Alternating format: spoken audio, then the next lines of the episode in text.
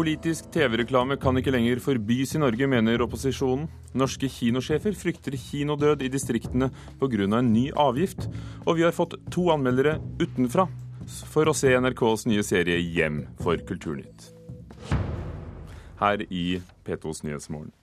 TV-reklame for politiske partier kan ikke lenger forbys i Norge, mener Høyre, Venstre og Fremskrittspartiet. Det norske forbudet mot politisk reklame ble erklært som brudd på ytringsfriheten av Den europeiske menneskerettighetsdomstolen. Regjeringen opprettholdt likevel forbudet, men inngikk en avtale med Frikanalen om at politiske organisasjoner skulle kunne fremføre budskapet, budskapet sitt hos dem. Men nå sier regjeringen opp denne avtalen. I 2005 tok den rød-grønne regjeringen over. De strammet inn muligheten for staten til å benytte private klinikker. Hittil har helsekøene økt. Denne reklamen for Høyre gikk på TV et halvt år før valget i 2009, og er derfor ulovlig ifølge norsk lov. Et forbud Menneskerettighetsdomstolen i Strasbourg samme år slo fast er et brudd på ytringsfriheten. Regjeringen valgte likevel å opprettholde forbudet, men ga Frikanalen, TV-kanalen som drives av de frivillige organisasjonene, i oppdrag å la politiske partier komme på luften med sine budskap der. Med på lasset fulgte over 12 millioner kroner. Nå mister de all støtte, og avtalen om å gi tilgang til partiene faller bort. Det forklarer statssekretær Mina Gerhardsen i Kulturdepartementet. Frikanalen ble oppretta for å være en ytringskanal for eh, små partier, for lister, for organisasjoner. Nå ser vi at den ikke brukes av partiene, den brukes ikke av organisasjonene, og veldig lave seertall. Og vi må vel si at det, det ble ikke det vi hadde håpa. I utgangspunktet var jo avtalen eh, med Frikanalen et eh, halmstrå eh, når det gjaldt spørsmålet om å finne en vei ut av uføre for regjeringen i spørsmålet om politisk TV-reklame. Sier kulturpolitisk talsmann i Høyre, Olemic Thommessen.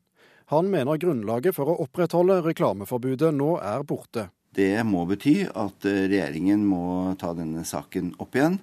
Eh, og jeg kan ikke skjønne annet enn at dette må føre til at eh, vi må få adgang til politisk TV-reklame i Norge. Forbudet mot politisk TV-reklame er like ugyldig både med og uten Frikanalen, mener TV Norge-direktør Harald Strømme. I TV Norges samfunnsrapport som kommer i dag, skriver han at politisk reklame gjerne kan reguleres, men ikke forbys. Strømme kaller avtalen med Frikanalen en avledningsmanøver. For det første så er det jo betenkelig at ytringsfriheten skal begrenses på det området som er det aller viktigste, nemlig politiske ytringer. Ehm, for det andre er det jo et forbud som bare gjelder eh, for TV-mediet, eh, og ikke levende bilder i andre kanaler. Eh, og etter hvert som de skillene viskes ut i større grad, så blir dette forbudet en, en anakronisme. Olje- og energiminister Terje Riis-Johansen han skal bestemme om det skal bygges monstermaster her. Jeg syns heller vi skal bevare Hardanger. Hardanger-kampanjen som gikk på TV 2 for to år siden, ble kjent lovlig av Medietilsynet. Samtidig ba tilsynet om klarere retningslinjer rundt politisk TV-reklame. Det har Kulturdepartementet foreløpig ikke gitt dem. Mina Gerhardsen sier dagens regelverk oppfølger Strasbourg-dommen godt nok. Det viktigste vi har gjort til å følge opp den dommen, har vært å endre vedtektene i NRK, sånn at eh, de skal ta inn også de små partiene i sin valgdekning. Og med seertallene til NRK så føler vi at vi tar, ivaretar godt det eh, pålegget om at også de små skal nå ut. Jo mindre partiene og organisasjonene er, jo mindre plass er det til dem i de ordinære TV-sendingene. Derfor holder ikke regjeringens argumentasjon, sier Olemic Thommessen i Høyre. Vi må jo minne om at de virkelig små partiene, altså minipartiene, har jo heller i praksis ingen vei frem i eh, NRK. Og Det betyr at eh, forbudet mot å ytre seg i TV-mediet er et reelt inngrep i ytringsfriheten. Vi i Høyre syns dette er unødvendig, urettferdig. Så var det også Høyres Olemic Thommessen vi hørte til slutt, reporter Thomas Alvarstein Ove.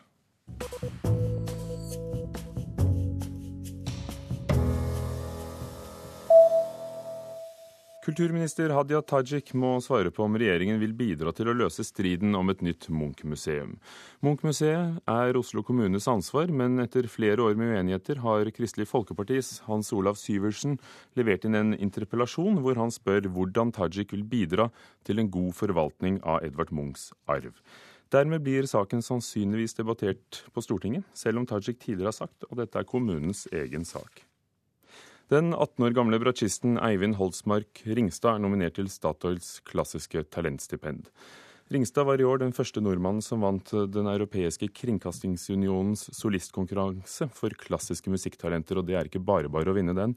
I tillegg er fiolinist Guro Kleven Hagen, mezzosopran Ingeborg Skybler Gillebo og Ensemble Allegria nominert til stipendet på 1 million kroner, som deles ut 19.11. Your thoughts distort reality. Everything that used to be beautiful about Eden was perhaps hideous. That's what fear is. Over nyttår skal Det Norske Teatret i Oslo sette opp teaterstykket 'Antikrist', basert på Lars von Triers film ved samme navn, skriver VG i dag, og det var den vi hørte fra her. Da filmen ble vist på filmfestivalen i Cannes for tre år siden, skapte den ramaskrik og debatt pga. volds- og sexscenene. Men den ga også hovedrolleinnehaveren Charlotte Gainsbourg pris som beste kvinnelige skuespiller, og i teaterversjonen i Norge blir det Andal Torp som spiller hennes rolle. Norske kinosjefer frykter massiv kinodød i Distrikts-Norge. Regjeringen foreslår nemlig en ny avgift for filmdistributørene. Denne skal finansiere Medietilsynets forhåndskontroll for å sette aldersgrensene, og erstatte det gamle gebyret, som var beregnet etter antall filmruller, og dem er det jo som kjent ingen igjen av nå. Flere i bransjen frykter at den nye formen for avgift kan gjøre at det blir for dyrt å sette opp mange av filmene på mindre kinoer. Shooting. I saw people was dying, and now they want to send me back. Margaret Olins film om asylbarn har skapt debatt over hele landet. Men slike filmer får vi kanskje ikke se utenfor de store byene i fremtiden. For en ny avgift truer kinotilbudet, mener administrerende direktør i Film og Kino, Lene Løken. Jeg frykter rett og slett at det kan bety kinodød. Så her har du en gammel 35 mm eh, avspiller. En svær, stor filmrull på flere titers kino. Kinosjef ved Ullensaker kino på Jessheim, Håkon Drage, viser frem den nye digitale fremviseren, som har erstattet de store filmrullene. Mens i dag får vi en harddisk som er puttet inn i systemet. Filmbransjen har brukt mange millioner kroner på digitalt utstyr for å kunne vise flere filmer enn før. Men nå krever regjeringen en ny avgift for hver film som settes opp. Forslaget går ut på at filmbyråene som selger film til kinoene, skal betale 700 kroner til Medietilsynet for hver film de setter opp på kino. Dette er for dyrt, mener Lene Løken i Film og Kino. Det betyr at det vil ikke lønne seg for filmbyråene å sette opp filmen på mellomstore og små kinoer. Og Det betyr at de rett og slett kommer til å nekte kinoene å få film. Løken får støtte fra Norske Filmbyråers forening. De sier til NRK at om forslaget går igjennom, vil de nekte å sende ut enkelte filmer til mange kinoer, fordi de ikke tjener noe på det. Problemet gjelder 150 av Norges 198 kinoer.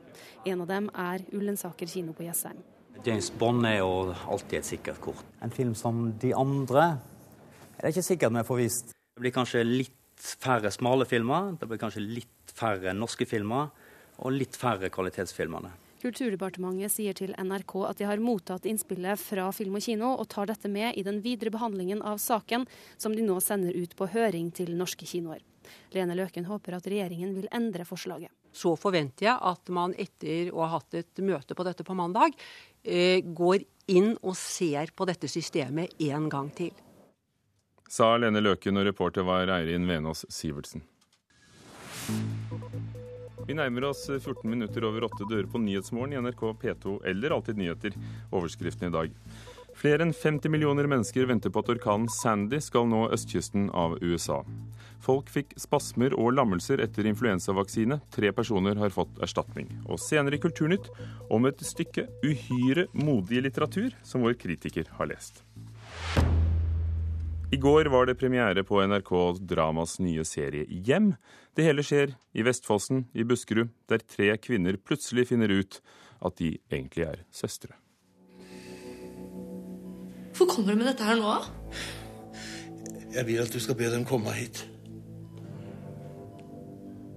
Jeg vil så gjerne se dere sammen. Før jeg ja. Skjønner du hva dette betyr, eller? Det betyr at du ikke har forandra deg en jævla dritt. Det er det det betyr. Så da sier jeg takk for det. Annika, skjønner du ikke? Det er jævla viktig. Ja. Annika!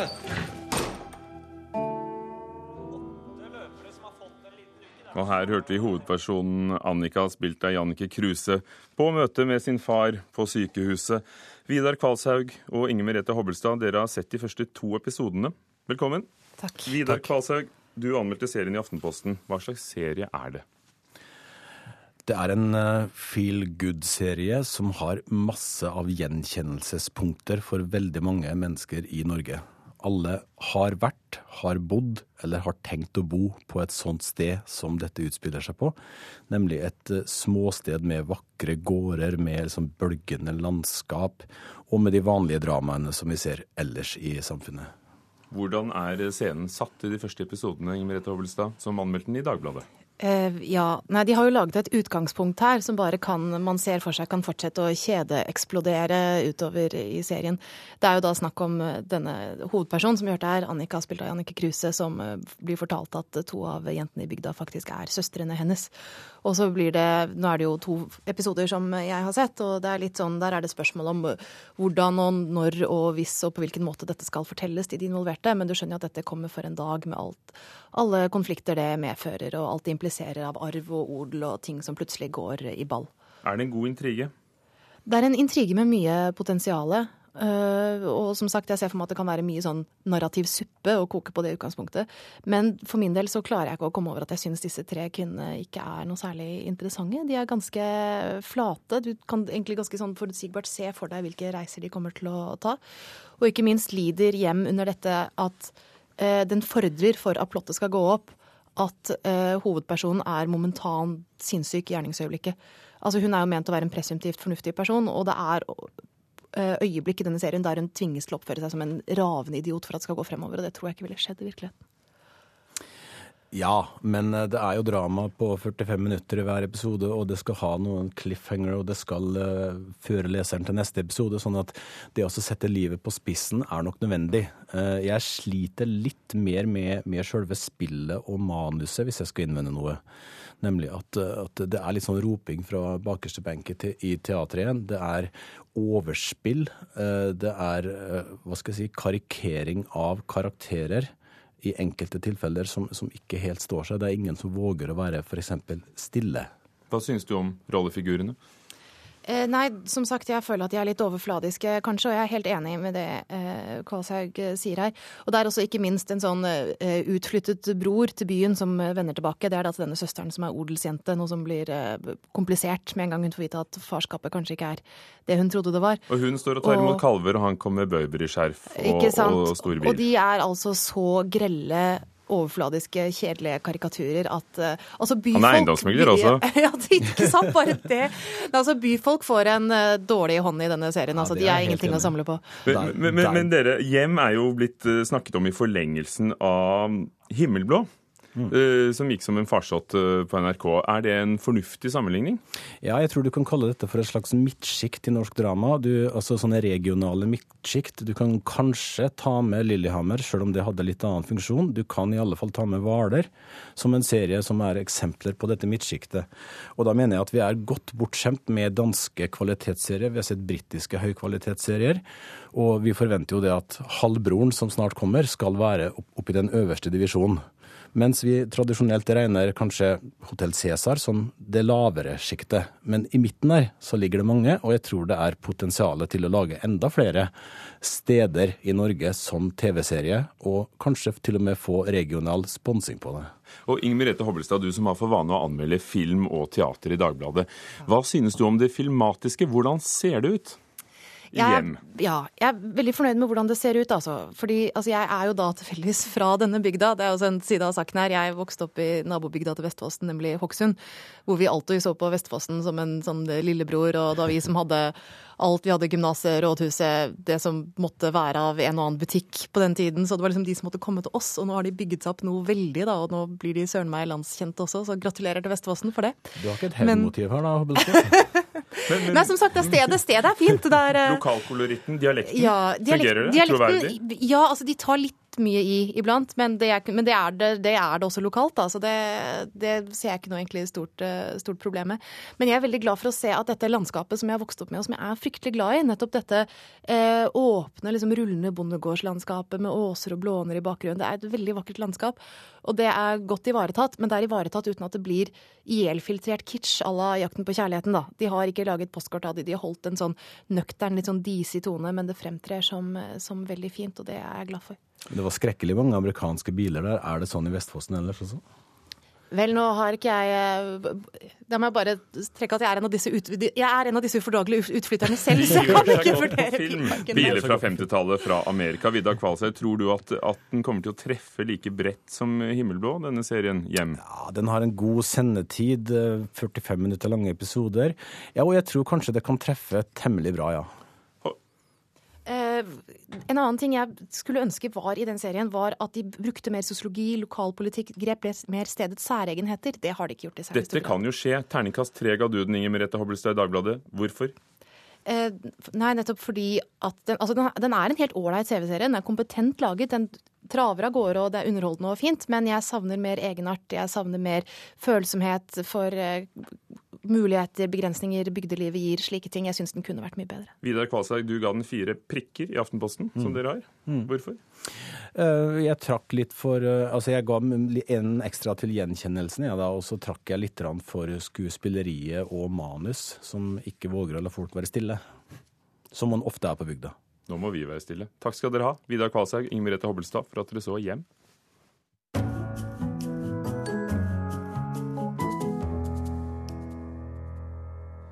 Teaterstykket Manifest 2083, som er basert på Breiviks manifest, ble vist i Oslo i helgen. Kunstnere kan gi oss ny innsikt. Slik forsvarer Dramatikkens hus hvorfor de velger å vise forestillingen.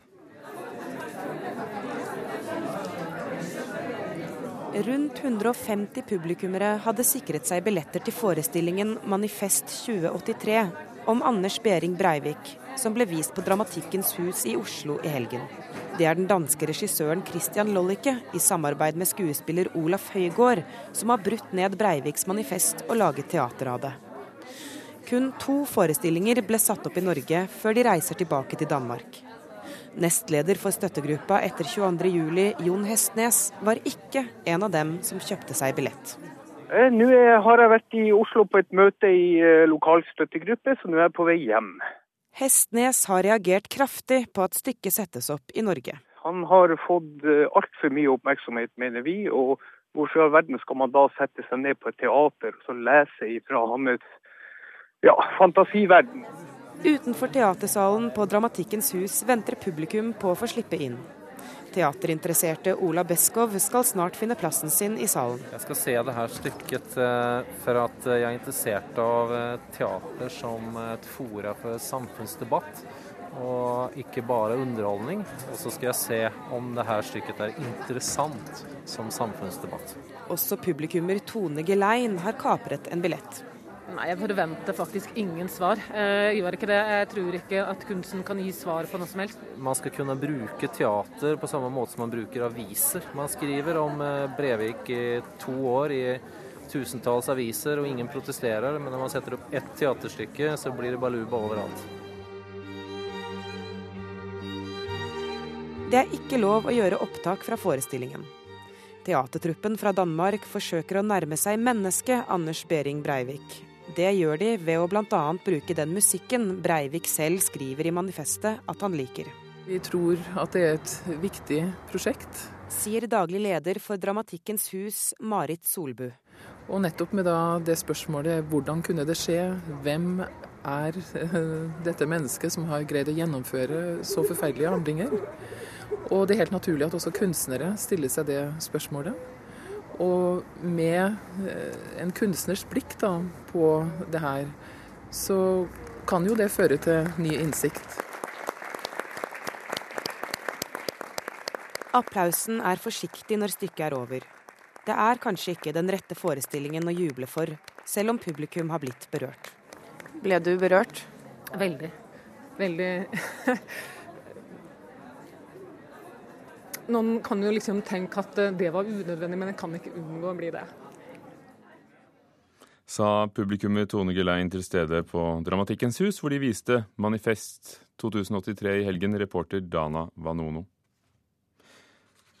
Vinneren av Nobelprisen i litteratur i år, den kinesiske forfatteren Mo Yan, tjener godt på prisen. Ifølge Berlingske Tidende i Danmark vil han i løpet av året kunne håve inn rundt 185 millioner kroner på en nyutgivelse, gjenutgivelser og filmrettigheter til bøkene. Dersom prognosen holder, blir Mo Yan Kinas rikeste forfatter på under tre måneder. Sør-Afrikas president Jacob Zuma dropper søksmålet mot den kjente avistegneren Sapiro. Presidenten har krevd rundt 4,4 millioner kroner i erstatning for en fire år gammel karikaturtegning som forestiller Zuma i ferd med å voldta en kvinne, som igjen forestiller rettferdighetsgudinnen. Rettssaken skulle begynt i dag, men Zuma har eh, altså latt søksmålet ligge og betalt avisen for utgiftene deres i forbindelse med saken. Kjersti Annesdatter Skomsvold fikk Tarjei Vesaas eh, debutantpris for romanen 'Jo fortere jeg går, jo mindre er jeg'. Flere kritikere mente at den var noe helt utenom det vanlige. Nå har hun gitt ut sin andre bok, 'Monstermenneske', der utmattelseslidelsen ME spiller en viktig rolle. Leif Ekle har lest en tragisk og grusom roman, som også er optimistisk. Å kalle romanen 'Monstermenneske' en bok om ME er problematisk, selv om den i stor grad er det også. For uansett hvor grusom og dypt tragisk den første delen av romanen er, der Skomsvold går nådeløst inn i ME-hverdagens og ME-krisens elendighet, Forfatteren makter samtidig å løfte den fysiske og psykiske lidelsen til et nivå der det allment eksistensielle tar over. Frykten, forvirringen og fortvilelsen overfor noe truende som ikke lar seg forstå, ikke har en forklaring. Bokens Kjersti Annesdatter Skomsvold begynner sakte å skrive. Hun skriver for å bli menneske, og det er her selve vannskillet i Skomsvolds roman ligger, mellom å være et menneske og frykten for ikke å være det. Et monstermenneske, altså. Den boken romanens Kjersti skriver, er forfatterens debutroman. Jo fortere jeg går, jo mindre er jeg. Hun skriver ulydelig sakte, en setning om dagen eller mindre, men det virker. Hun blir bedre. Teksten blir et romanmanus, nærmest på tross, og det tar tid. Slik skifter også romanens og Kjerstis spillerom fra tilstedeværelse først og fremst i sykdom til en annen, nyvunnen og tilkjempet rolle, forfatterens, eller som hun sier mot slutten av boken, til hun som vil skrive. Monstermennesket blir dermed også en roman om skriving som mulig eksistensgrunnlag. Boken så å si folder seg omkring jo fortere jeg går, jo mindre er jeg, omkring den gamle damen Mathea og hennes slektskap med den syke Kjersti, og viser at slik måtte de bli. Monstermennesket er like åpenbart og erklært selvbiografisk som den også er fiksjon, der levende mennesker tas i bruk som litterære figurer. Kjersti Annesdatter Skomsvolds fortellerståsted veksler svært elegant mellom første og tredje person, noe som gir en interessant og vellykket variasjon i graden av nærhet til det stoffet som legges ut foran leseren. Helt uvanlig godt er dette i en sekvens fortalt i tredje person, der jeget, altså førstepersonen, iblant går imellom og kommenterer sin egen fortelling. Jo fortere jeg går, jo mindre er jeg, er stadig en av de beste debutene jeg har lest noen gang. Derfor var forventningene til monstermennesket store. I de fleste stykker er de også innfridd. Romanen er imidlertid 600 sider lang, nesten, og selv om det i seg selv ikke er problematisk, er det et svært krevende format å fylle, og der lykkes ikke Skomsvold helt. Et stykke etter halvlest truer fortellingen med å flyte ut i snakk, og gjør alvor av det en rekke ganger. Nyansene er ikke tydelige nok til at de forsvarer gjentagelsene og boringen. Det skal imidlertid ikke stå i veien for hovedinntrykket av et uhyre modig stykke litteratur, et som på sitt beste glitrer og gir leseren sterke opplevelser som ikke glemmes med det første, og som bekrefter forfatterens store talent. Og det talentet er det altså Kjersti Annesdatter Skomsvold som har, ifølge vår anmelder Leif Ekle. Du kan lese hans utvidede versjon av anmeldelsen på nettsidene våre nrk.no litteratur. I Kulturnytt har vi hørt at politisk TV-reklame ikke lenger kan forbys i Norge, i hvert fall ikke ifølge Høyre, Venstre og Frp, og at kinosjefer tror det kan bli færre kinoer med en ny avgift som regjeringen har foreslått. Hilde Tosterud var teknisk ansvarlig, Halvor Haugen produsent, Hugo Fermariello programleder for Kulturnytt.